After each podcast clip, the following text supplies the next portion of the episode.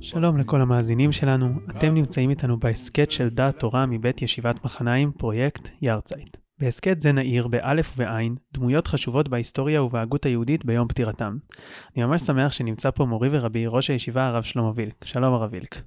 שלום עשיה, ערב טוב. אולי נתחיל ולשים את הדברים על השולחן, ותספר לנו מה הקשר שלך לדמותו של אנדרי נהר.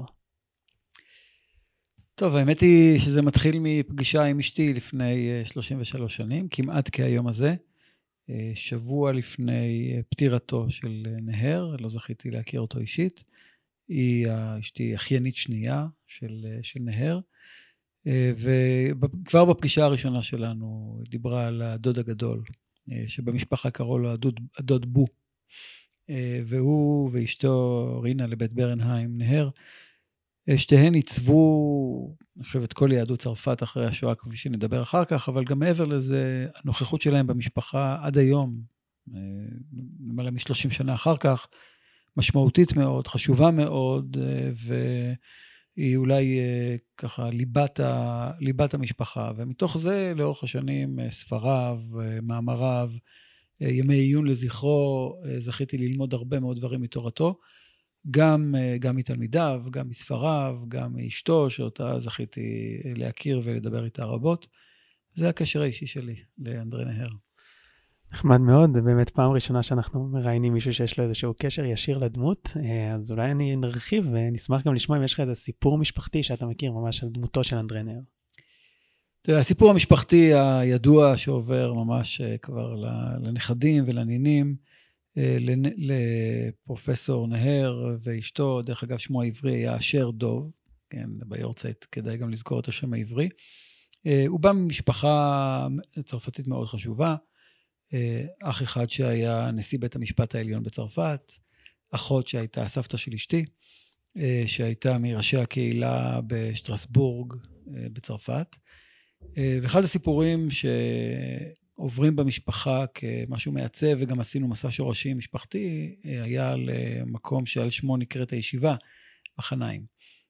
ברגע שהצרפתים הבינו שהגרמנים עומדים לפלוש לצרפת, פינו את, שטרס, את שטרסבורג, את כל התושבים משטרסבורג, ומשפחת נהר עברה למקום שנקרא לנטוי, שהיה קצת יותר פנימה בתוך, בתוך הארץ, ושם הם בעצם שכרו איזשהו בית, שזכיתי גם להיות בבית הזה לפני כמה שנים, ושם בעצם התחבאו במשך המלחמה, כל המשפחה הייתה שם, ואני מניח שזה קרה לרבים, אבל מה, שהמשפ... מה שהמשפחה עשתה, האחים עשו, כולל אנדרי נהר ואחרים, היה שבכל שנה לקראת ליל הסדר הוציאו הגדה. הגדה מאוירת, נפלאה, וכך במשך השנים יש ארבע או חמש אגדות, אני לא זוכר, ויש לנו, לנו בבית את אחת מה, מהאגדות הללו, ואחת גם נתנו ליד ושם. אגדה שהיא מאוירת ואתה רואה את הנוכחות הזאת של יהודים, יראי שמיים, שיושבים וחוגגים את חג החירות בתוך הכאוס הגדול של השואה.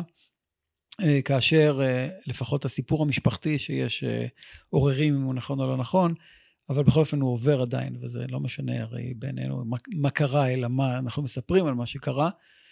על זה שהגרמנים כבר הגיעו וביקשו מהם, דרשו מהם לאסוף את, את עצמם, ולמחרת הם יגיעו ויקחו אותם, ובסופו של דבר לא הגיעו, וכך גם המשפחה ניצלה מה, מההשמדה.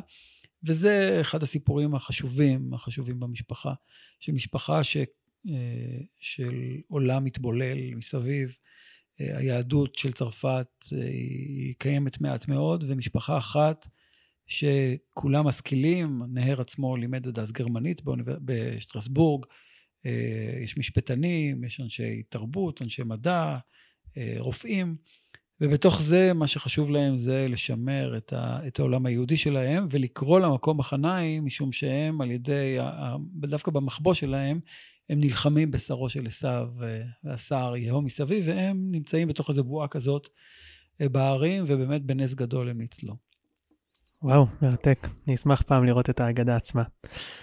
דמותו של אנדרנר פחות מוכרת לציבור הרחב, ורציתי לשאול, מה, מה הרקע התרבותי שהוא נמצא בתוכו? הזכרת את צרפת אחרי השואה, אולי תגיד קצת מה הלך הרוח האינטלקטואלי, מי הדמויות שפועלות? כן, טוב, הדמויות שפועלות אה, במאה, בסוף המאה ה-19 והמאה ה-20 הם באמת אה, מהומה שלמה של אנשים, אנחנו מכירים אותם מאנשים שהשפיעו באופן ישיר גם עליו וגם על יהדות צרפת, הם, הם רבים, לא נוכל להזכיר את כולם. אה, אבל כל זה, בעצם ההשפעה הגדולה של כל המהלכים הללו תקרה, ת, תגיע רק אחרי השואה. כאשר פתאום יש התמודדות עם שאלות תיאולוגיות, שאלות של זהות, שעד אז היו די אה, בשוליים, וכמו שאולי אחר כך נזכיר, אותה, נזכיר את העניין הזה בהקשרים אחרים. הנהר נפטר בירושלים ב-1988, אני מתחיל מהסוף, באוקטובר, כשהוא בן 74 ויום אחד. יום אחד אחרי יום הולדתו, אה, ב-24 באוקטובר, אה, הוא נפטר ממש מיטת נשיקה, בתוך, בתוך, פשוט יושב במקום והולך לעולמו. אה, נהר הושפע הרבה מאוד ממה שנקרא האסכולה הצרפתית הנאו-קנטיאנית, שגם עליה אני לא ארחיב את הדיבור, אבל אחד מהדברים שיעקב גורדין, שהוא אבי האסכולה הנאו-קנטיאנית הפריזאית הצרפתית, וגם אחרים, שוב, אנחנו לא נעבור על השמות ועל הרעיונות כולם, אבל אחד מהדברים שקאנט עשה, מצד אחד הוא אפשר לשיח, קאנט של המאה, סוף המאה ה-18, אה,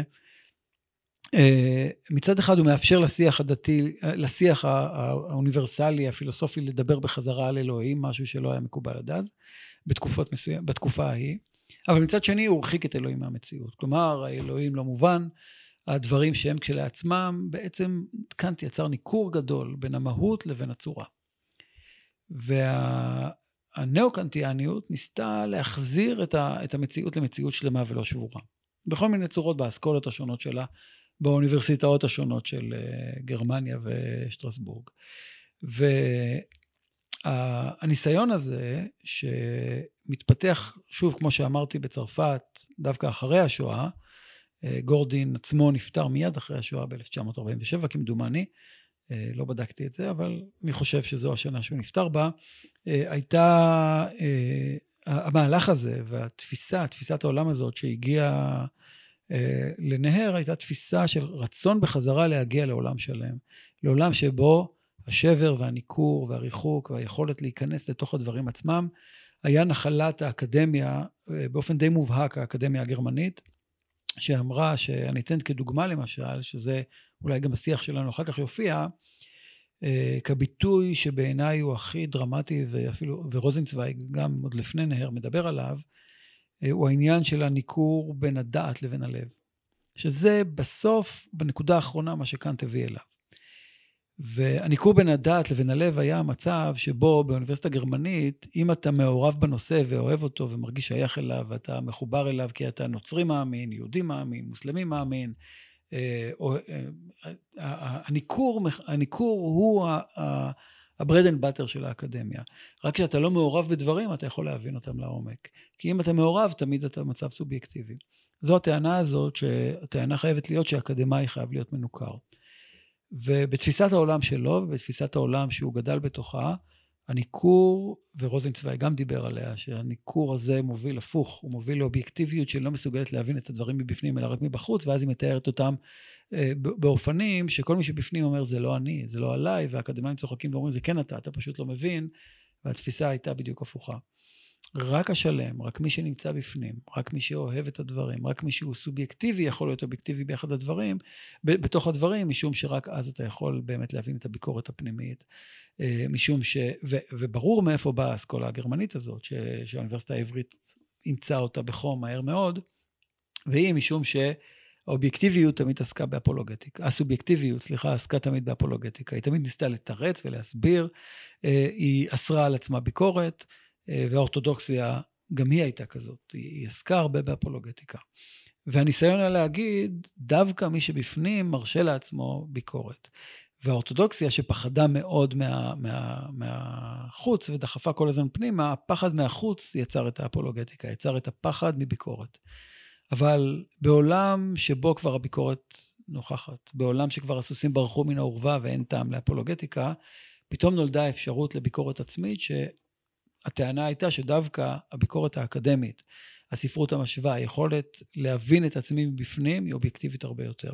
ואני חושב שזו רוחו הפנימית של, של נהר, שהביאה אותו לגבהים גדולים מאוד, לתלמידים שצמחו, הרבה מאוד תלמידים, אבל גם לעובדה שהוא מעולם לא הרגיש שייך לעולם, לעולם האקדמי אחרי שואה, למרות שהוא זה שהקים את המכון הגבוה ללימודי יהדות באוניברסיטת שטרסבורג, אבל שיכולה הייתה אוניברסיטת שטרסבורג לקבל אותו כסוב, כסובייקט, כמישהו שהוא אדם דתי, מישהו שהוא אדם שמאמין, שהוא אוהב את מה שהוא מלמד, ועדיין לראות בזה עולם אקדמי, דבר שמסביב, וגם כשהוא מגיע לארץ אה, אחרי מלחמת אה, יום הכיפורים, אה, הוא כבר לא ימצא את מקומו באקדמיה של ישראל. מאוד מעניין, הוא גם העיד על עצמו שבגיל הבר מצווה הוא כבר ידע דפים אה, בעל פה, דפים שלמים מתוך רש"י והתלמוד, וגם מתוך עלובי החיים ושייקספיר, וזה היה לו מאוד מאוד טבעי. אבל בנוסף הוא אומר ששורשיו לא בסוקרטס או אוגוסטינוס, עץ הדעת שלו הוא התורה, וגזע העץ שלו הוא המדרש והמיסטיקה היהודית. איך הוא חי בין המתח הזה? תראה, שוב, אה, זו, זו, זה באמת קושי גדול. אה, אפשר להגיד שאולי אחד הדברים שבגלל זה אור תורה הסכימו למוס... לביטוי הזה של השם מחניים, אה, היה, היה אופי המיוחד הזה של נהר והרבה מדורו. אנחנו מכירים את זה אצל לוינס, אנחנו מכירים את זה אצל מניטו, שלושתם היו חברים ו- ומורים, כאשר אולי המורה הגדול שלהם היה באמת נהר. אה, ואחרים, גם נהר היה מחובר לשושני המפורסם, שרבים אחרים היו מחוברים אליו, כולל לוינס.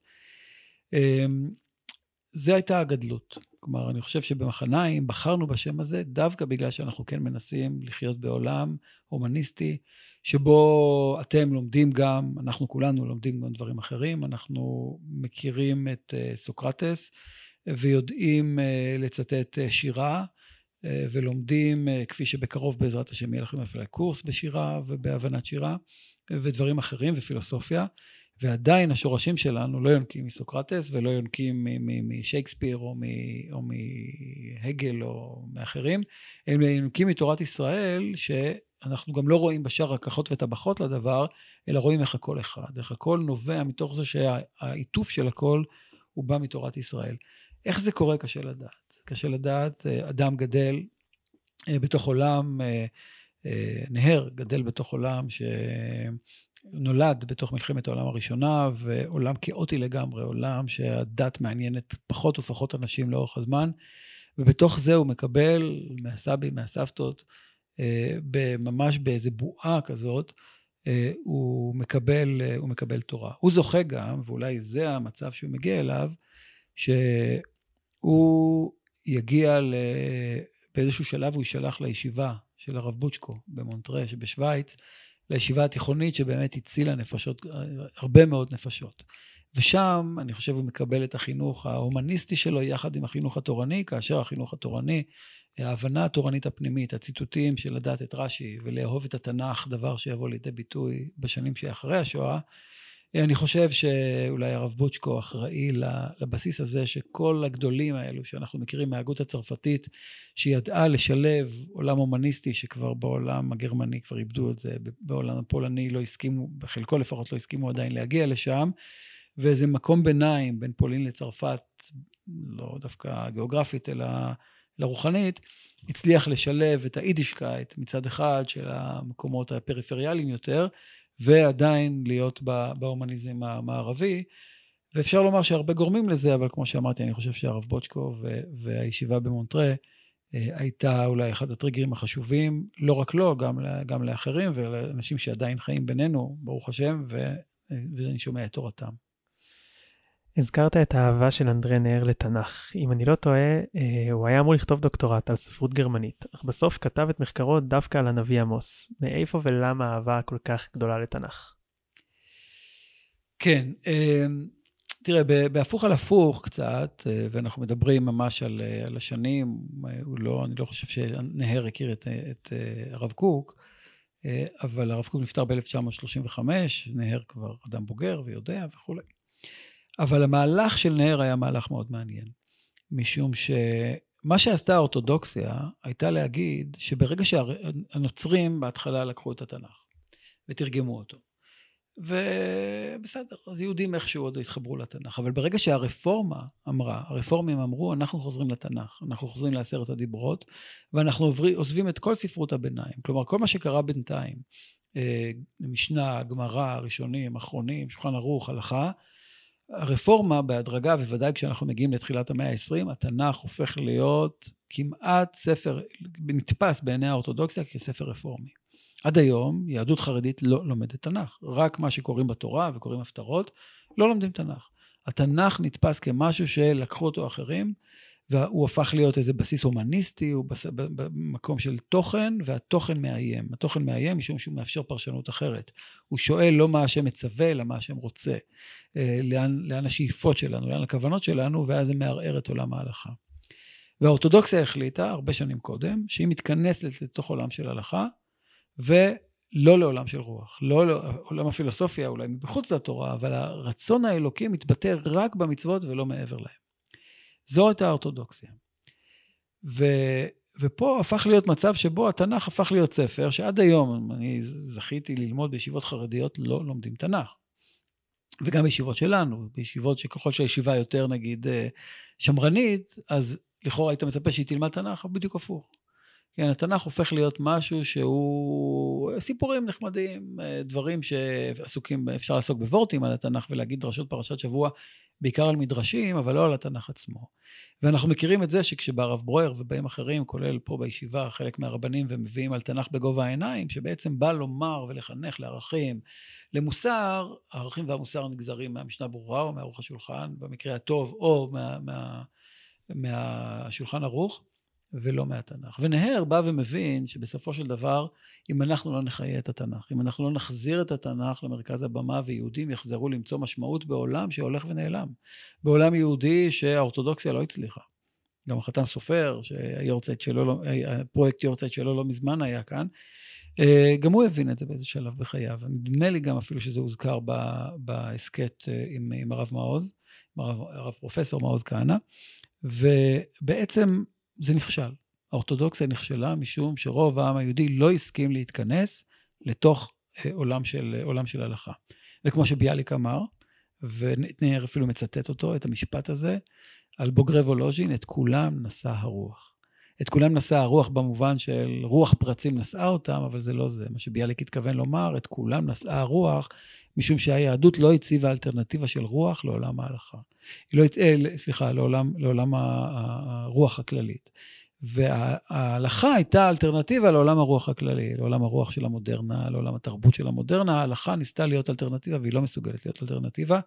ולהחיות את יהדות צרפת בעיניו היה לחזור אל התנ"ך ולחדש את הרוח היהודית בלי להתנכר לעולם ההלכה, אבל עדיין מתוך המוכנות הזאת להתמודד מול עולם שה, שה, ש, שלקח, שגם העולם הרפורמי לקח את התנ"ך לא כרוח הדברים, אלא כהלכות הדברים. כלומר, כ, כאיזה מבנים מסוימים שלקחו מתוך ההלכה, אבל לא, את הרוח לא לקחו משם, לקחו מפילוסופיה כללית, לקחו מתרבות כללית, ונהר מחליט את מה שהרב קוק במאמר הדור יאמר, שכחנו את הרוח, התכנסנו לתוך מבנים הלכתיים, לתוך דוגמות, לתוך אפולוגטיקה, ומה, ולא הצלחנו, ויתרנו על הרוח, ונהר מחליט, לא רק הוא, הדור שלו, אה, אבל הוא בעיקר להחזיר את הרוח.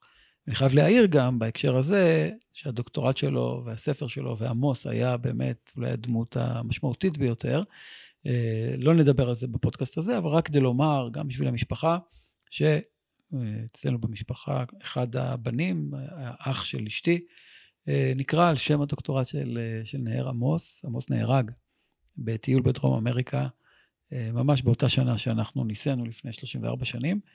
אה, ועד כדי כך נהר, כמו שאמרתי, היה נוכח, ועמוס היה נוכח, שעל שמו, על שם, על שם הנביא ועל שם המחקר של נהר, בסוף אה, עמוס, עמוס נקרא על שמו, זיכרונו לברכה.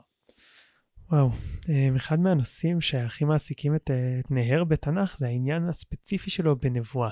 מה, מה כל כך מושך אותו בנבואה, ו, ומה בעצם דעתו עליה? מה, מה הוא חושב, שהאם היא רלוונטית לימינו, היא לא? כן, אה, זו באמת, יש לו גם ספר על נבואה ונביאים, אה, והוא חוקר גדול של הנבואה, זה ספר שבאמת מהספרים שלו הרבה, מרוב הספרים שלו הרבה דברים כבר ידעתי מראש, קראתי במקומות אחרים, מאשל לפעמים, מרוזנצוויג, מאחרים, והוא הושפע מאוד מאחרים.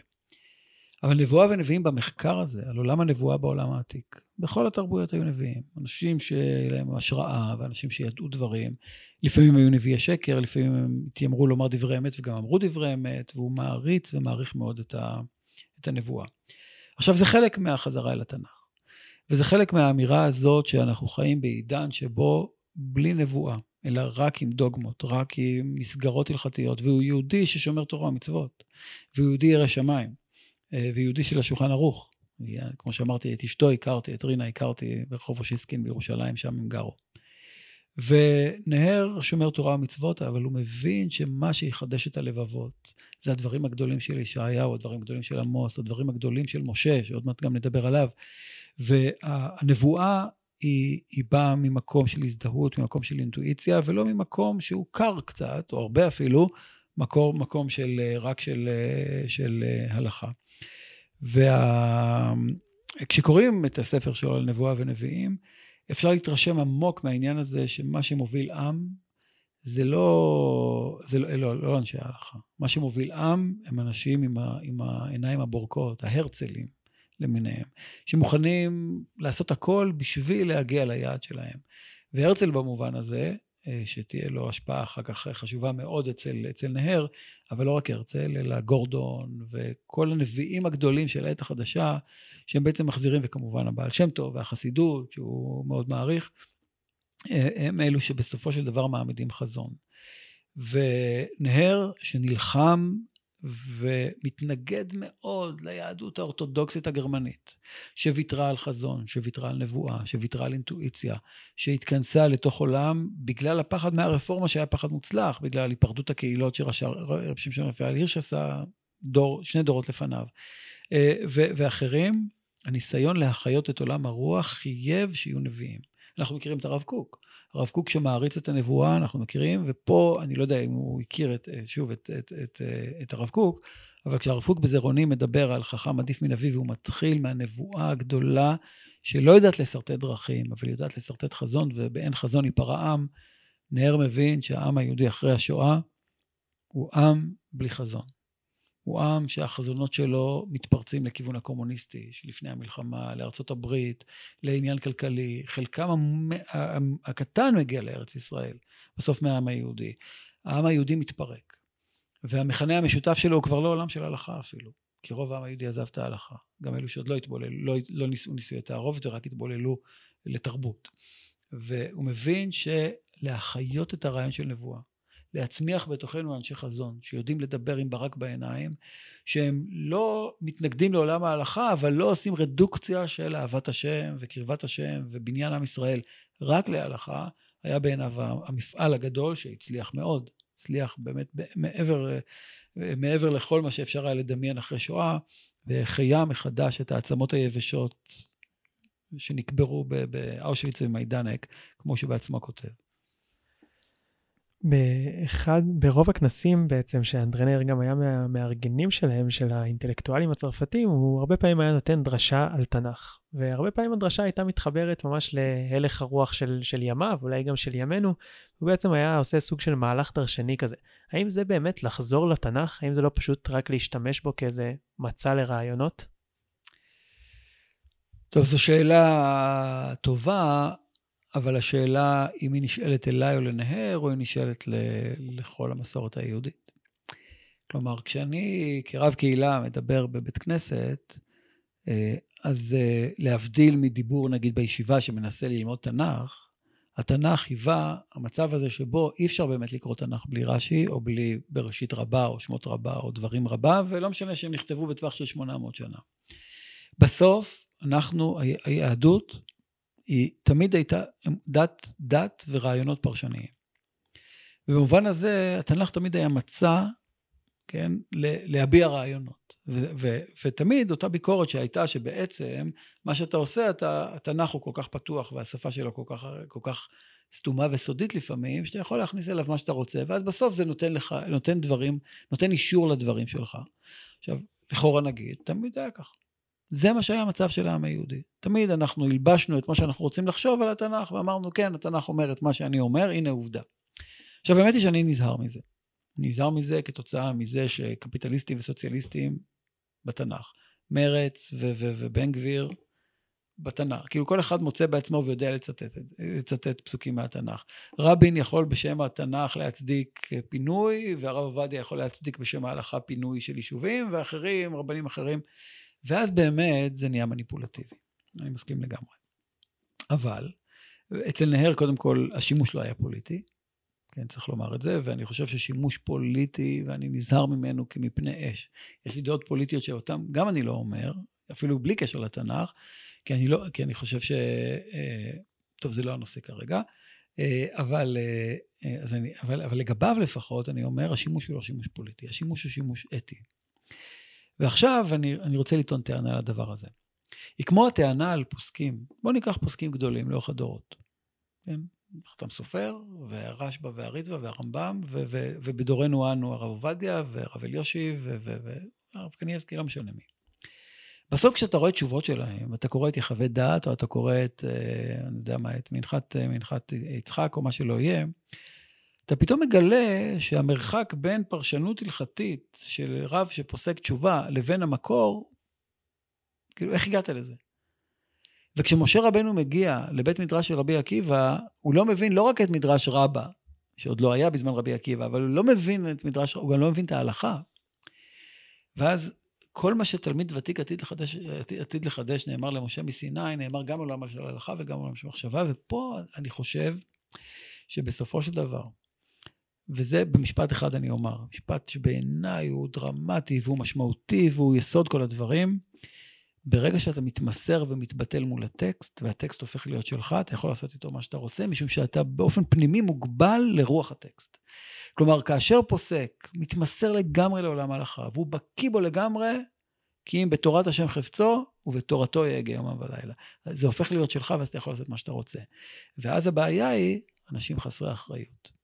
אלו שמראש באים עם העמדה השנייה של אני אעשה עם הטקסט מה שאני רוצה, בלי שהטקסט יעשה בי מה שהוא רוצה. בלי ההתמסרות לטקסט, בלי העמל והיגיעה והאהבה לטקסט, כשלעצמו, ולוינס כתב על זה את מעבר לפסוק, כן, ההתמסרות שלך לטקסט והנכונות שלך למות עליו, איכשהו, בדוגמטיות שלו, במה שנאמר, מאפשרת לך אחר כך לחיות לאורו. ואם אתה לא מוכן למות למענו, אתה לא יכול לחיות לאורו. כשאתה צריך לחיות לאורו, אז באמת נעשה את הפרשנות. ופה, כל מי שקורא את נהר, ואת הדרשות, שניסינו פעם לתרגם אותן, וזה בלתי אפשרי, בגלל שהשפה כל כך גבוהה, כל כך עמוקה, ש... וכל כך צרפתית, שניסינו, ניסינו כמה שנים לתרגם, והיה נורא נורא קשה. אה, ובאמת, בעזרת השם עוד ננסה, היום אנחנו מתרגמים ספר אחר שלו. אה, ואני חושב שכאשר יש אחריות לטקסט, כאשר אתה מסור ואתה אוהב את הטקסט, אז אפשר לפרש אותו. משם זה צומח. ואני חושב שזה היה נהר.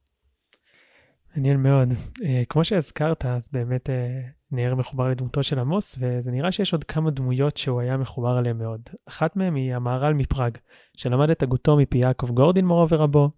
האם הוא מאיר את המהר"ל באור שונה ממי שקורא בתוך כתבי המהר"ל עצמו? Um, תראה, אני, קשה לי לומר. אני חושב שהמהר"ל, אה, אני מאוד אוהב את המהר"ל, בצעירותי בישיבה על הסדר למדנו, זה היה חלק מסדר היום שלנו, בכמה ישיבות שלמדתי בהן, ללמוד את, ה, את המהר"ל מפראג, שהיום בטווח, במרחק השנים בין 40 שנה או 35 שנה שאני למדתי לבין היום, אני חושב שהמהר"ל קצת, לפחות בעולם הישיבות הליברליות, איבד את זוהרו. אה, זה נכון. אבל אני חושב שמה שבמשנתו של המהר"ל מפראג, שכותב נהר, והוא מאוד מתחבר, מתחבר למהר"ל אה, בספר שלם, אני רוצה נקודה אחת לומר, שהיא אולי חידוש במה שהנהר מאיר במהר"ל. תראה, יש מבוכה גדולה. המהר"ל מצד אחד הוא מאוד אריסטוטלי, הוא מאוד שמרן, המחשבה שלו שמרנית, היא עסוקה במבנים רעיוניים, של ימי הביניים, למרות שהוא נמצא בעולם של אה, קופרניקוס וגלילאו וברהה, ועולם מתעורר של מדע ועולם מתעורר של, של אה, פילוסופיה, וזה ניכר כאילו המהר"ל לא מבין את זה. כאילו הספר עצמו הוא, הוא, הוא הוגה שחי בתווך של המאה ה-16, בין, בין ימי הביניים לעת החדשה, ומתעלם, מה, כאילו מתעלם מכל החידושים. מתעלם מהעולם, למרות שתלמידיו, דוד גנץ, שהוא כותב גם עליו, הוא ורינה אה, כותבים עליו ספר, על אה, דוד גנץ וזמנו, תלמידו של המהר"ל, שהוא כבר הרבה יותר מחובר, ויש תהייה גדולה לגבי זה שהרבה טוענים שהמהר"ל הוא איש ימי הביניים. כן, הוא איש מאוד מקפיד, לא סתם, לא נתנו לו את רבנות פראג, אה, כי התנגדו לשמרנות מול עולם של עיר גדולה, שכמובן כבר יש הלכי רוח חדשים, זה עוד לא הלכי הרוח של המאה ה-18, אבל כבר יש התעוררות וכולי. ונהר, אני חושב, מנסה להוכיח שנהר, שהמהר"ל, סליחה, הוא אחד מהוגי הדעות שיכולים היו להעביר את, את, העולם, את העולם הישן אל העולם החדש בזהירות. כלומר, הוא הספינה שמעבירה אותנו בין העולמות, כמו, ש, כמו שרבי יוסף קארו היה, כמו שאנשי התקופה, מראשיתה ועד סופה, של אה, תקופת הביניים הזאת, כן, בין, הזמ, בין, ה, בין השמשות, שבין שקיעתה של, שקיעתה של תרבות ימי הביניים ועלייתה של תרבות חדשה של יום חדש, בוקר של יום חדש, בינם, אני חושב שמה שבמשנתו של המהר"ל, הנהר אה, מנסה לקחת, לקחת את הפנס או את הפינצטה ולמצוא איך אה, המהר"ל משית אותנו מעולם ישן לעולם חדש. הרבה מהגותו של נהר, כפי שדיברנו, הושפעה מהשואה. והוא כותב שהשואה תלויה על בלימה, מקומה בסולם הרופף המגשר בין התוהו לבוהו. רציתי לשאול אותך, הרב וילק, באמת איפה הוא עומד ביחס הזה, ביחס לשואה מבחינה הגותית, בטח ביחס להוגים אחרים שצריכים לתת איזה שהם פתרונות בתקופה הזו, כמו הרב סולובייצ'יק, הוגים חרדים ועוד. תראה, באמת ההתמודדות מול השואה, אני באופן אישי, אבא שלי, שגם הוא מצרפת וניצול שואה, איבד את האמונה ואיבד את אלוהים שלו בשואה לגמרי. וזו באמת קושייה גדולה. עכשיו, ההתמודדות עם השואה הפכה להיות אה, אפילו ריב פנימי בתוך העם היהודי, בספרות נוראית שנכתבה, נוראה שנכתבה בזמנו, שנקראה שרופי הכבשנים מאשימים. וכמו שנכון שיהודים יעשו, אבל לא באופן הזה, יהודים בעיקר האשימו אחד את השני בשואה, ולא את היטלר ולא את אה, שום דבר אחר. אנחנו אשמים בשואה. החילונים האשימו את החרדים שלא עלו לארץ, החרדים האשימו את אלו שמרדו, שעלו בחומה, אלו ואלו האשימו את הרפורמים, ובקיצור, יהודים, כמו שיהודים יודעים להאשים, רק היהדות אמורה להגיד שכל אחד ייקח אחריות, ובמקום זה כל אחד זרק אחריות על השני. עכשיו, אם ניקח נגיד אה, את, אה, את אה, ההגות של לייבוביץ' נגיד, שהשואה היא הבסיס לאמונה. האבסורד הוא-הוא האמונה. נכון? זה לייבוביץ'. אני חושב שנהר יותר חשב על השואה כברקוביץ'. כלומר, כמו שאליעזר ברקוביץ' כותב על השואה, הספר המפורסם שלו, על האמונה למרות. וזה מה שנהר מתאר, את השואה כמהלך אבסורדי שבו אלוהים, אה, אה, וממש כמו שכותב ברקוביץ' אה, באמונה לאחר השואה, רק ברגע שרבי עקיבא יוצא להריגה, כן, הוא מסוגל באמת להתגבר ולומר, אני, אני מאמין למרות שנטשת אותי, ויש בזה אמירה חזקה מאוד של לייבוביץ', לקח אותה לכיוון, עם אותה שפה כמעט, לכיוון הזה שרק אז יש אמונה באמת, באבסורד. כי אלוהים שלך ואלוהים למענך הוא חסר משמעות. אלוהים למענך הוא אלוהים שעובד אצלך, ואז אתה לא באמת מאמין בו, אתה פשוט זקוק לו. והאמונה באלוהים חייבת להיות דווקא כאשר אתה צועק שמע ישראל באושוויץ ולא ב- ב- ב- בירושלים, שעוד מעט נדבר עליהם. ואני חושב שנהר מסתכל על, מסתכל על הדבר ואומר, אה, נכון, יש אמונה בתוך אבסורד. היא לא בסיס האמונה. היא לא הדבר המרכזי שאנחנו מתייחסים אליו. כמשהו שרק שם מתגלה האמונה, אבל רק היא יכולה לבנות עולם של אמונה. רק במקום, ואני שוב חוזר להשפעה גדולה שהייתה להשל עליו, ובאותה תקופה, ואני מצטט הרבה, כמו שאתה יודע, בישיבה, את המשפט המונומנטלי של, של, של מרטין לותר קינג, שבעצם כבר נאמר קודם על ידי סוקרטס ועל ידי חז"ל במסכת תמיד ואחרים, If a man hasn't found a cause to die for, isn't fit to live. אם אדם לא מצא למען מה למות, אין לו בשביל מה לחיות. והרעיון הזה של סוקרטס, ששותה את כוס הרעל, והרעיון של חז"ל עם אלכסנדר במסכת תמיד, כאשר הוא שואל את חז"ל, אה, אלכסנדר, את חכמי הנגב, מה יעשה אדם ויחיה? אומרים לו, חז"ל ימית את עצמו. הנכונות למות מאפשרת חיים. במותם ציוו לנו את החיים. והנכונות שלי למות מצווה עליי את החיים, שזה מהלך יהודי מבריק, שלא מאמין בשהיד, שלא מאמין במרטיר, שלא מאמין במוות, הוא מאמין בחיים, ונהר כותב את זה שוב ושוב, על משה רבנו ועל הנביאים, הם מאמינים בחיים. היהדות היא דת שמאמינה בחיים. אבל השואה החזירה מחדש וזרקה בחזרה את היהודים אל החיים. לא אל המוות, היא זרקה אל החיים היהודיים. השואה של יהודים מתבוללים, פתאום זרקו אותנו מבחוץ ואמרו, במותם, במותכם, אנחנו מצווים עליכם את החיים. אמיל פקנהיים, למשל, פילוסוף טרום שואה שדיבר על השפה וכולי, אמר דבר מזעזע, שהיטלר הוסיף לתרי"ג המצוות עוד מצווה אחת, היה יהודי.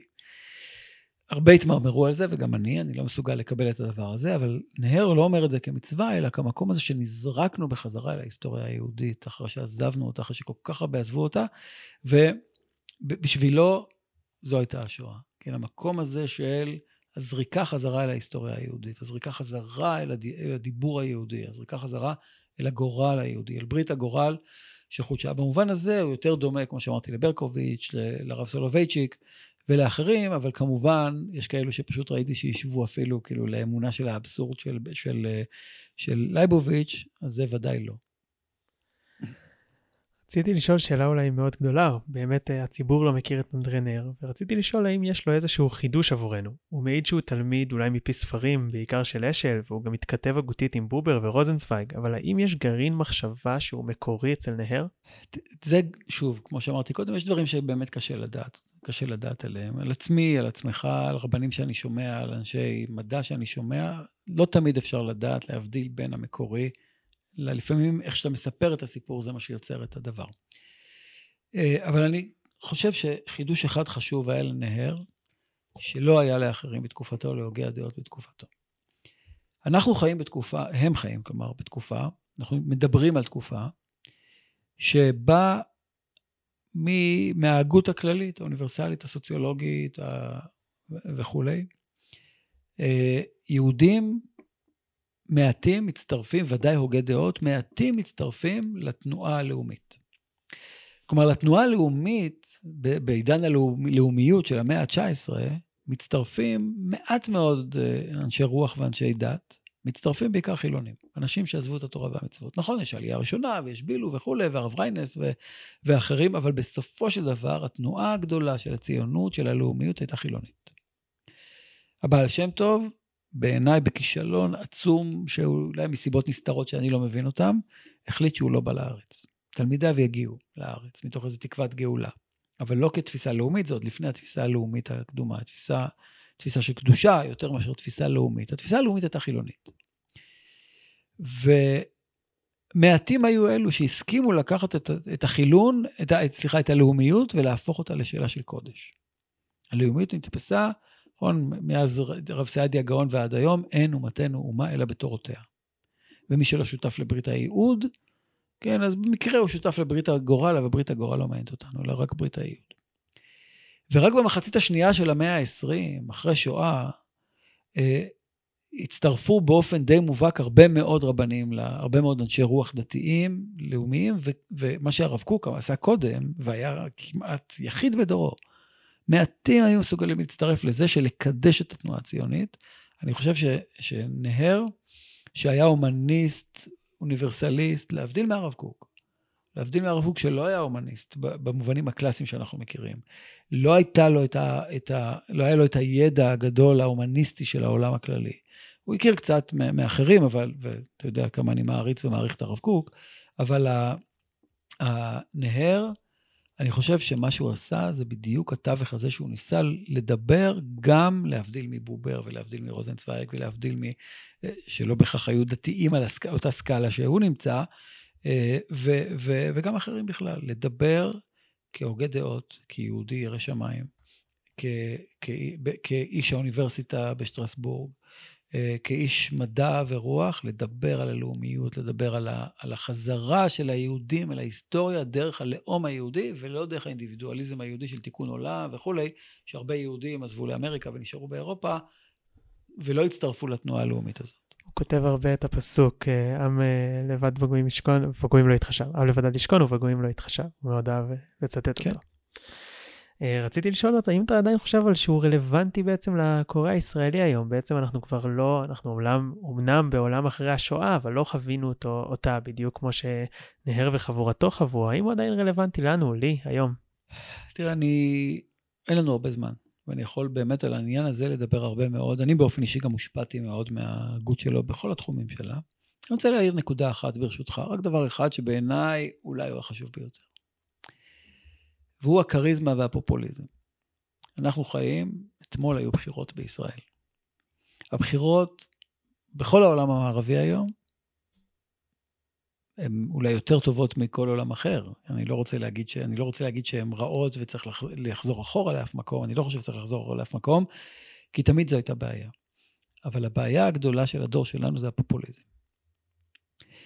והכריזמה. כאילו המקום הזה שהאסתטיקה היא חזות הכל. הכריזמה היא חזות הכל, הפופוליזם הוא חזות הכל, וה, ה, ואז האסתטיקה החליפה את האתיקה. אפשר, אפשר לדבר בלי להיות אחראי לזה. הרשתות החברות מעצימות את זה. עברנו מערכת בחירות שבאמת, כל, רוב האנשים שאני מכיר לא ידעו למי להצביע באמת. ומי שהצביע באמת, לצערי, והיה מאוד מזוהה עם זה, יגלה בקרוב שהכל היה מסכת אחת של שקרים, כל מה שהבטיחו לכם מכל צד. כן, כרגע, על ה... לא יודע לאן זה יקרה, אבל הכל פופוליסטי. ונהר, אני חושב שכשקוראים את תורתו על עמוס, ועל משה, ועל בין, כמעט בכל דבר שקוראים. המאמר המפורסם שלו על ירושלים, ירושלים שלי, שאני ממליץ לכל אחד, סתם לקרוא שני עמודים, לחפש באינטרנט, באתר דעת, זה נמצא, ולקרוא את המאמר שלו כשהוא עולה לירושלים ב-1974. והמאבק הגדול שנער בפופוליזם. אה, ופה אני חושב ש... וזה מאבק גדול, גם של אבינס וגם של מניטו וגם של אחרים, אה, ופה הם נכנסו, ואני חושב שההגות האנטי-פופוליסטית, חייב, אני חושב שהיא מאוד רלוונטית לדור שלנו. היא, היא, היא, חייב, חייבים לחזור לשם. אנחנו מדברים, ואני נתתי על זה הרצאה אה, לא מזמן, ב, גם, גם בישיבה, על, כאילו, על הדברים ש... שנהר מציע, כן, שהשמיים שוממים והרוח איננה, כן, כאילו הכל, הכל פופוליסטי. ויש לו ממש ציטט, ציטטות, כן, שהוא ממש מדבר, כמו שקראתי בשנים האחרונות מאביעד קליינברג ומחבריי, אה, ידידיה שטרן ואחרים, כן, שהיום כבר זהו, אנחנו, אנחנו נכנענו, כן, החברה המודרנית שעסוקה רק באגו והרביליטציה של האיד, כן, של, ה, של, ה, אה, של העונג וכולי, בלי הקרבה ובלי מאמץ ובלי הגיעה. הכל צריך לבוא בקלות, והכל חייב להיות מהיר וקליט, והכל, כן, אין לי ראש למילים ארוכות, אני רוצה רק מילים קצרות, ואני רוצה רק 142 אה, תווים, ותשלח לי וזהו, ואני לא רוצה לקרוא דברים ארוכים. אני חושב שכשקוראים את הדברים של נהר על הנבואה, ועל, ואת ההגות שלו, אה, להבדיל, נגיד, כל ההגות הקדומה הייתה לא פופוליסטית, אבל היא, היא לא נלחמה מול פופוליזם. הוא כבר נמצא בעולם שבו הוא מבין כבר, כן? הוא רואה איך ה, ה, ה, הפכנו להיות ממאמר מאוד מפורסם שהוא כותב לסטודנטים בצרפת, כן? מההומו ריליגיוס ומההומו ספיאנס הפכנו, הפכנו להומו פופוליטיטוס. והדרמה הזאת, הטרגדיה הזאת, בעיניי, היא מחייבת מראה מקומות חדש שידבר נגד פופוליזם. וידע גם לזהות מה ההבדלים בין, בין אחד לשני, ואני חושב שפה יש לנהר תרומה, אחד התרומות שלו בזה. מעניין מאוד שמצד אחד הוא נלחם נגד פופוליזם, אבל מצד שני הוא לא מוכן להסתתר במגדל השן האקדמי. הוא יורד לעם, הוא עושה כינוסים, הוא מנסה להחיות את ההגות ממש אצל, אצל כולם. זה בדיוק זה.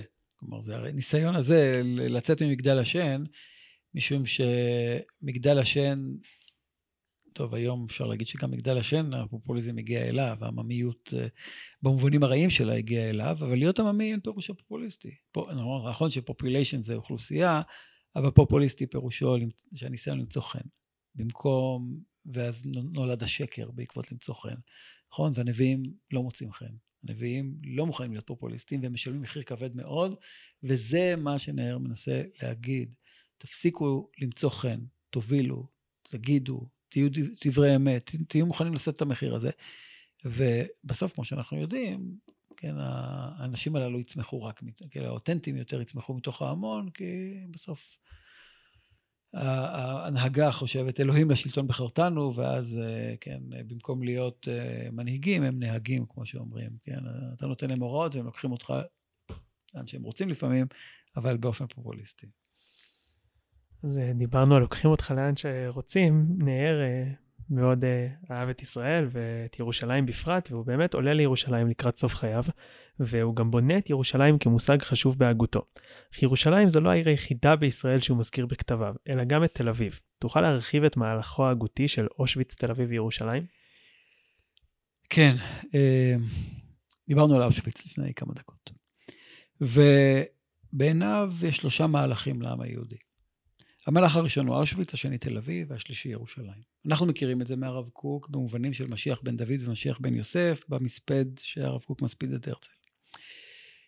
בעיני נהר, המפגש הראשון עם האלוהים הוא מפגש של עקדת יצחק, המפגש של, של משה רבינו במצרים, של אבסורד, של שיעבוד, של ידוע תדע כי גר יהיה בארץ, כי סגר יהיה זרחה בארץ עולם ועבדום ועינו אותם 400 שנה. במובן הזה, משה נולד באושוויץ, כך כותב נהר. אושוויץ של הזמן ההוא, שהורגים את הילדים, שמעבידים בפר אחד המוות, שיש התעללות עצומה, משה גדל באושוויץ. ואני יודע שאומרים שאסור להשוות שום דבר לאושוויץ, אבל נראה לי שזה הגיוני מאוד לקחת לשם ולומר, זה מה שעשה פרעה. ממש משווה בין מחנות הריכוז אפילו. נכון. הוא כותב ממש על מצרים כמחנות הריכוז. והאמונה מתחילה שם. היא מתחילה במפגש עם הנשגבות שבאבסורד, עם המאמץ להתגבר על האבסורד. לייבוביץ' השאיר אותנו בתוך האבסורד. לא בארשוויץ חס וחלילה, אבל הוא השאיר אותנו בתוך האבסורד. הוא השאיר אותנו בתוך זה שאלוהים, אלוהים, המפגש שלנו הוא למורות. כי אלוהים בגלל לא מעניין. הוא בזכות. השלב השני הוא ירושלים, הוא תל אביב. תל אביב זה המשיח בן יוסף. תל אביב זה יצירת התרבות. תל אביב זה המסגרת שבתוכה חי העם היהודי. היא הבירה הכלכלית של עם ישראל כשהוא מגיע לארץ ב-1974. ברור שתל אביב היא הבירה הכלכלית, היא הבירה התרבותית של, של העם היהודי. ירושלים, 74, אנחנו כבר כמה שנים אחרי ששת הימים. ירושלים מאוחדת, אבל ירושלים היא עיר שהתוכן שלה הוא תורני. ובעיני נהר יש את האמונה שצומחת מתוך האבסורד. היא בונה את עצמה, שיהיו לה כלים, ל, ל, ש, ש, שתל אביב מנסה לבטל את האבסורד, וירושלים מנסה עכשיו להחזיר את האמונה לתוך עולם שכבר אין בו אבסורד אלא שלמות. עכשיו, האבסורד מבריח יהודים, כמו שאמרתי קודם, כמו אבא שלי ואחרים שאומרים, די, אנחנו לא מוכנים לסבול את הסבל הזה, ואלוהים בתוך אבסורד לא מעניין אותנו, רוצים ש... קצת שקט וקצת שלווה. ומצד שני, גם הנוחות של תל אביב מבריחה. גם הנוחות הזאת שאומרת, אז אני כבר לא צריך את אלוהים. בשואה אני לא, אין אלוהים, אז אני לא רוצה אותו, הוא לא עוזר לי, אז לא צריך. וכשהכול טוב, אז, אז כבר לא צריך אלוהים. כי מה אני צריך? אני צריך להתפלל, אני משיג את הכל בכוחות עצמי. והיכולת להחזיר את אלוהים אל הסדר, ולא אל האבסורד, היא יותר קשה. כי בסוף אין אתאיסטים בשוחות, כמו שאמרו במלחמת העולם הראשונה. כן, איפה שרע, האמונה יכולה איכשהו לצמוח, אבל איפה שטוב, יש לה אתגר גדול, וירושלים נועדה להחזיר את אלוהים אל הסדר ולא אל הכאוס. ואני חושב שפה זו תורתו, קצת בהרחבה, אבל לא מספיק בהרחבה, על אושוויץ, תל אביב וירושלים, כתיקון הסופי של, הגדול של עם ישראל, וכך הוא כותב גם בירושלים אה, שלי, כאשר אולי, אני אוסיף לזה ואומר, שהוא רואה בירושלים גם לא רק תיקון של החזרה של תורת ישראל לעם ישראל בארץ ישראל, כתיקון הזה שתל אביב בסוף, ירושלים מכניסה לתוך התל אביביות את, ה, את הקודש ואת המשמעות, אלא גם העובדה שהוא שומע באוטובוס שהוא נוסע בו בירושלים שפות אין ספור. וכולם באים לירושלים, והחזרה הזאת של המוסלמים, המואזין שקורה בהר הבית. וכשהוא מתפלל מנחה ושומע מואזין, או מתפלל שחית ושומע מואזין, אז התפילה שלו עולה דרך המסגד, והתפילה של המסגד עולה דרך, דרך ה... היה לו מפגשים גם עם, עם, עם אנשים שונים, אה, מדתות שונות, והוא רואה בזה, למרות שהוא איש ימין לגמרי, כאילו במובן של, של לאומיות, במובן של קדושה, במובן של, אה, אה, של זכות, זכות על הארץ וכולי, הוא עדיין הומניסט גדול במובן הזה שירושלים מבטאת את שם השם שמונחל בכל הגויים, ונהרו אליו כל הגויים, והוא מתפעל ו- ו- ואוהב את הארץ הזו ואת, ואת ירושלים, רק בזכות העובדה שיש פה, אה, אה, כי ביתי בית תפילה יקרא לכל העמים. נזכיר עוד ספר שהוא כתב, אם אני לא טועה, הספר היחיד שהוא כתב בעברית, אה, שנקרא "ובכל זאת", עם שלושה, שלוש נקודות וסימן קריאה גדול. אה, רציתי לשאול, בכל זאת מה? זו שאלה טובה. ובכל זאת. אה, אבל זו שאלה טובה לנו. כי לנו נגיד, ובכל זאת הוא שהחיים כל כך נוחים, ובכל אופן להיות דתי זה, זה היה בכל זאת שלי, למרות שנוח. אבל בעולם שבו יש הסתר פנים, בעולם שבו אתה נולד, ב, בלידתך אתה נולד לעולם חדש. אתה נולד לעולם שאין בו אנטישמיות לכאורה, שליהודים יש זכויות, צרפת הייתה ערש זכויות האדם היהודי באירופה. וגרמניה שהצטרפה, אמנם הייתה מלחמה, אבל בסוף גם גרמניה מצטרפת לעניין הזה, של זכויות אדם, של נאורות וכולי. וכשפתאום תקרה שואה, שפתאום יהיה קישינב, שקישינב הוא עוד לא מכיר, אבל קישינב ביאליק כבר מכיר, והוא אומר, כן, אם יש צדק יופה מיד, ואם אחרי שמדי יופה מתחת השמיים, ימוגר נא כיסאו לעד, כך אומר ביאליק. ובעולם כזה, את כולם לא רק נשא הרוח, את כולם גם האמונה בטוב הבריחה אותם מהיהדות, הבריחה אותם מאלוהי ישראל. ובכל זאת, זו אולי הסיסמה הגדולה ביותר של העם היהודי. אני רוצה לציין אנקדוטה מאוד מעניינת. בסיור שעשיתי באחת הגטאות, אולי שמעת ממני את הסיפור הזה, מצאו בית כנסת, נסתר, לאחרונה, בטרזינשטט. מצאו בית כנסת uh, מתחת לאיזה גרם מדרגות, ונכנסנו אליו. כלומר, מצאו אותו הרבה לפנינו. וכשאשתי ואני נכנסים לתוך בית הכנסת הזה, ו... והמדריך מסביר לנו כל מיני דברים, באנגלית לחבורה, היינו עם חבורה שהם סיור מודרך של המחנה. ואז המדריך אומר, הנה, ופה זה העמדה של החזן, ופה ישבו, וזה עצר כזה, כי זה מתחת למדרגות, והתפללו, ואיזה הקרבה וכולי.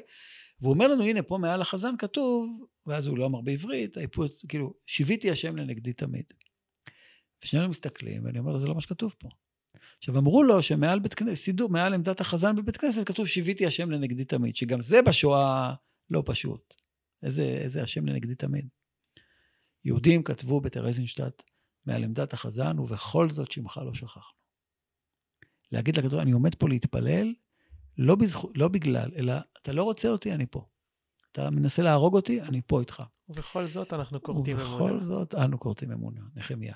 כן, המקום הזה שאנחנו, היהדות שצריכה להתמודד עם ובכל זאת. רק אמרתי שבסוף, כשנר יגיע לירושלים, הוא יגיד, די, אנחנו מבקשים שזה לא יהיה בכל זאת, ולא יהיה למרות זאת, אלא יהיה בזכות. וזה המעבר הזה שלא כולם ידעו לעשות אותו. כן, והרצון הזה לגאולה שלמה, וגאולה שלמה פירושה לחזרת הנבואה.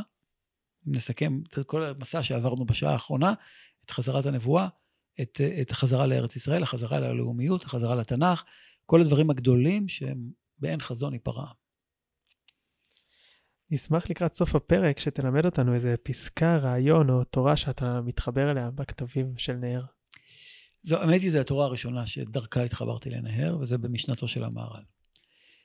נהר מביא את ה... הוא מביא את המהר"ל, אבל הוא מוסיף עליו את התלמוד הירושלמי. התלמוד הירושלמי כותב שכשניתנה התורה, התורה, לוחות הברית, רוחבם שישה טפחים. כך כתוב במדרש. וכשהקדוש ברוך הוא מוסר תורה למשה, שני טפחים עליונים הקדוש ברוך הוא מחזיק, שני טפחים עליונים משה מחזיק, ובאמצע חלל. בין שמיים לארץ. ואז חטא העגל. משה מנסה למשוך את הלוחות עם השני טפחים שהוא אוחז בהם. שני טפחים זה שני ידיים, והקדוש ברוך הוא אוחז בשני ידיים עליונים ומנסה למשוך אליו. אז המהר"ל יש לו הסבר על, על הרעיון הזה. אבל נהר אומר שבסוף, איפה שאלוהים אוחז, יהי לקיסר אשר לקיסר. מה שאלוהים אוחז בגורל, בהיסטוריה, ב- ב- ב- בדברים שגדולים מאיתנו, ב... לא יודע, יש דברים שהם מעבר ליכולת אנוש. שם הקדוש ברוך הוא אוחז, ואנחנו לא מנסים לכבוש, להיות מגדל בבל שמנסה לכבוש את שני הטפחים העליונים. שני הטפחים שאני אוחז, אין, תעשה מה שאתה רוצה. הקדוש ברוך הוא אומר, זה העולם האזרחי שלך. כן? תעשה, היום אנחנו, היום אנחנו מנסים להשליט את אלוהים, שהוא ייקח מאיתנו גם את שני הטפחים התחתונים, והולכים לשאול רב על כל דבר. אומר נר, לא. שני טפחים של השמיים, הקדוש ברוך הוא אוחז בהם, זה גורל. שני טפחים תחתונים, זה המציאות שלנו, כן? אתמול הלכתי לבחירות, לא הלכתי מסיבה דתית לבחירות. כאילו, בגלל שיש לי ברכה מאיזה רב, או בגלל שהתורה ציוותה, כמו שרבים ניסו לגייס את התורה לטובת זה. אבל יש שני טפחים באמצע. שני הטפחים באמצע הם חלל פנוי. אין בו, אין בו מגע בין שמיים לארץ, ממש כמו הגמרא בסוכה, כן, שמדברת על, לעולם אין שכינה יורדת למטה מעשרה טפחים. והוא גם מביא את זה. וה, ובשני הטפחים הללו מתרחשת האינטראקציה בין אדם ואלוקים. ובשני הטפחים הללו יש את הספק והלבטים והדממה והדיבור והצעקה והתפילה וההלכה מתרחשים בתוך שני טפחים שהם מעבר לדטרמיניזם האלוקי ומעבר לרלטיביזם האנושי.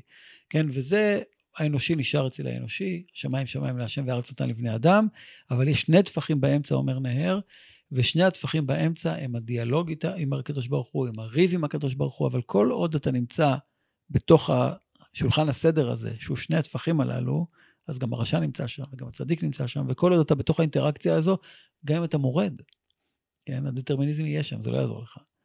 כן, והאנושיות תישאר ברובד הזה. אבל באמצע, בחלל הפנוי מתרחשת הדרמה הגדולה של העם היהודי, כך נאר מתאר את זה. ואני חושב שבהרבה מובנים היום, כשאני שואל את עצמי, כששואלים אותי שאלות כרב, כשמבקשים ממני ללמד משהו, אני שואל את עצמי עכשיו על מה אני מדבר. כן, על, על, על, על, על איזה טריטוריה אני מדבר, וחשוב להבדיל ביניהם. חשוב לתת מקום לכל אחד מהם. לתת מקום לאנושיות, לתת מקום לאלוקיות, לתת מקום לדטרמיניזם, ולהגיד שבעצם רק מה שבאמצע, רק כשרבים איתו, כשמתווכחים איתו, כשאוהבים אותו, מה שלא יהיה, אבל תמיד יש שותפות בחלל הזה, וזה החידוש הגדול. זה לא התבטלות, זה לא ניסיון של, כן, שאחד מושך למעלה ואחד מושך למטה, אלא בתוך הדיאלוג הזה, בתוך החלל הפנוי הזה, יש דיאלוג שהוא ליבת העולם היהודי, כמובן. זאת באמת פסקה או רעיון מאוד משמעותי. אמרתי לך לפני תחילת ההקלטה שגם אני רציתי להביא קטע שמאוד השפיע עליי ולא רשמתי אותו, וזה היה בדיוק אותו רעיון, אז תודה. יפה, יפה.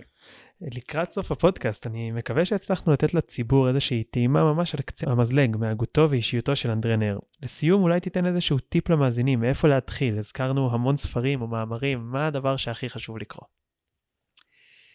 אז תרשה לי לעשות פרסום לספר שאנחנו בעזרת השם היום מוצאים, אה, לא היום, אבל בימים הללו, גם סיימנו לתרגם ואנחנו בתהליך של אה, עריכה והוצאה לאור, של ספר מופלא של נהר, שבצרפתית נקרא אקזיל דה לפרול, גלות הדיבור. הספר תורגם לאיטלקית, ליפנית, לאנגלית, רק לא, ולעוד שפות, רק לא לעברית.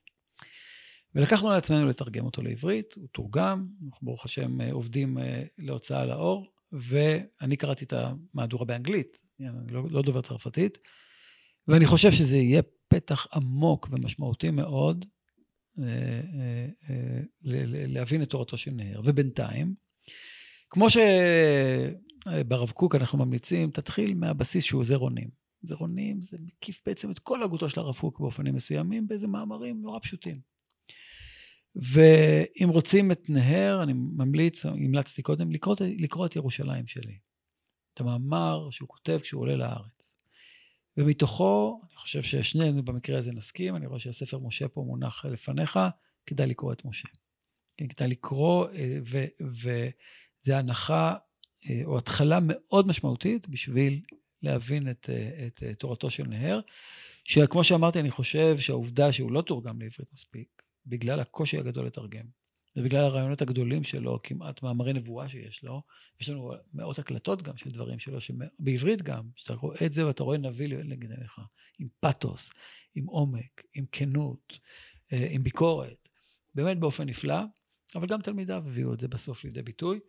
אה, אז אני חושב שזה המהלך, והמתינו, המתינו, בעזרת השם בקרוב, אה, נפרסם את ספרו הגדול.